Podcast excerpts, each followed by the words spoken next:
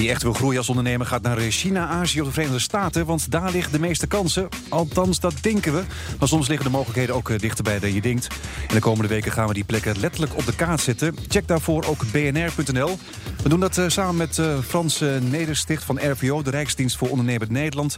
Opdracht van het ministerie van Buitenlandse Zaken steunen zij het buitenland af voor ondernemers. Frans, goedemorgen. Goedemorgen. Ja, de onontdekte parel deze week is Kroatië. Waarom moeten we daar naartoe? Nou, Kroatië is interessant voor Nederlandse ondernemers eigenlijk op twee, eh, op twee gebieden. Dat is eigenlijk waar ik het vandaag eh, over wil hebben.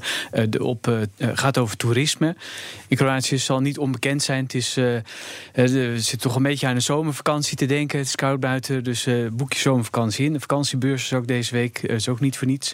En Kroatië is natuurlijk bij heel veel Nederlanders ook een bekende toeristische bestemming. Dat levert... Is het nog steeds heel erg populair? Is dat meer iets van 20 jaar geleden, toch? Kroatië als vakantiebestemming? Of nog nou ja, nou, 20 jaar geleden was het iets minder populair. Maar het het is nu, eh, er gaan rond de 370.000 Nederlanders per jaar heen. Ja. Uh, en Kroatië heeft ongeveer rond 16, 17 miljoen uh, buitenlandse toeristen per jaar.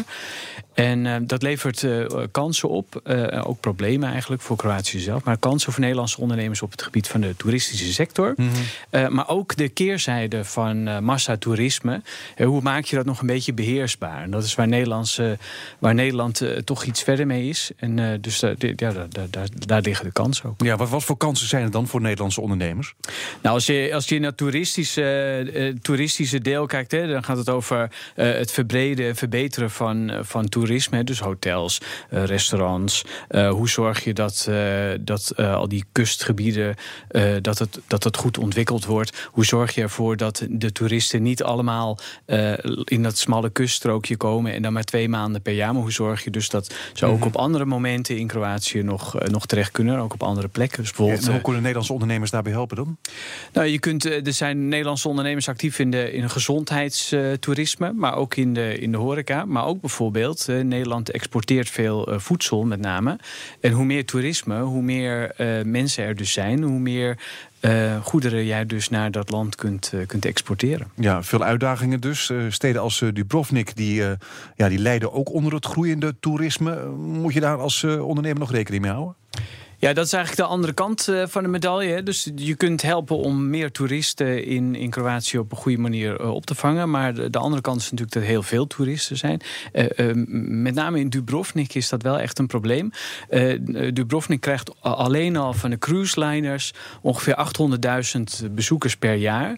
terwijl het stadje eigenlijk niet veel groter is dan Emmen. Dan wordt iedereen wordt daar gedumpt. Ja, ja, er komen echt. Eh, ik meen dat er, dat er op een gegeven moment 8000 mensen per dag uh, komen. Een mm. stadje zo groot als Emmen. Ja. Uh, je kan dat helemaal niet hebben. Nee. En, dus uh, ook daarvoor geldt, dus als je bijvoorbeeld in oplossingen denkt als uh, smart city, hè, dus uh, transport, logistiek, wat, wat, wat je bij de Efteling bijvoorbeeld hebt, al die grote toeristenstromen of bij de Keukenhof. Mm hoe manage je dat een beetje? En hoe... Maar het is dus voornamelijk interessant voor bedrijven die aan dat soort oplossingen denken. Je moet dan niet zelf een hotel gaan beginnen om nog meer toerisme te creëren of dat soort. Nou ja, je kunt nog meer toerisme proberen te creëren. Dat is de ene kant. Ja. De andere kant is dus inderdaad, hoe maak je het beheersbaar?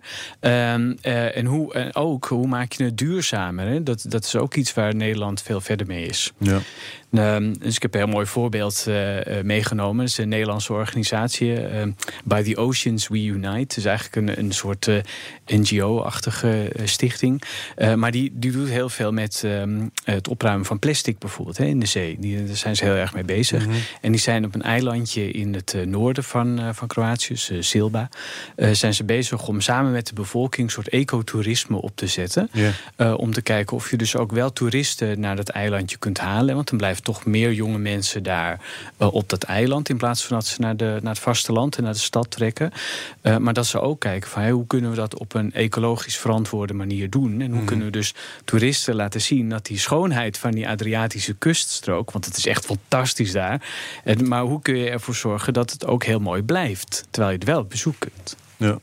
Wat staat er de komende tijd nog op stapel uh, in Kroatië? Spannende dingen?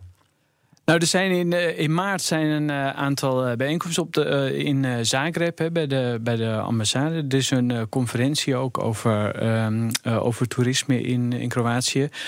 je kunt voor informatie kun je altijd even bij de ambassade, de Nederlandse ambassade in Zagreb, terecht voor, voor meer details. En als je nou zegt, nou, ik vind Kroatië eigenlijk wel interessant om daar toch even over na te denken.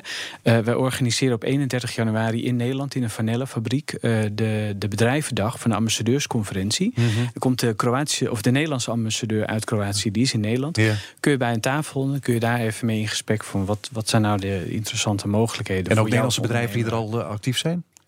Ja, er zit, nou ja, ik noemde net al hè, bij The Oceans ja. Reunite. dat, is een, dat is echt heel, heel pril nog. Hè. Um, er zijn ook een, het is een Nederlands uh, echtpaar dat in, in Dubrovnik, in de oude stad, een, een hotel heeft. Uh, maar bijvoorbeeld ook een, um, een man op Losinj. Dat is ook een, een ander eiland, in, mhm. ook een beetje in het noorden. Die heeft daar een, een oude school omgebouwd tot boutique hotel. Dus er zijn wel wat Nederlanders actief inderdaad. Maar dan met name echt in de toeristische sector. Oké, op naar Kroatië dus. Volgende week hebben we een nieuw pareltje. Waar moeten we dan naartoe? Ja, volgende, volgende week gaan we iets dichter bij huis. Dan gaan we naar Hamburg. Um, dan gaan we het hebben over digitale start-ups. En um, Hamburg is, is eigenlijk eh, Berlijn al een beetje voorbij op dat, uh, op dat gebied.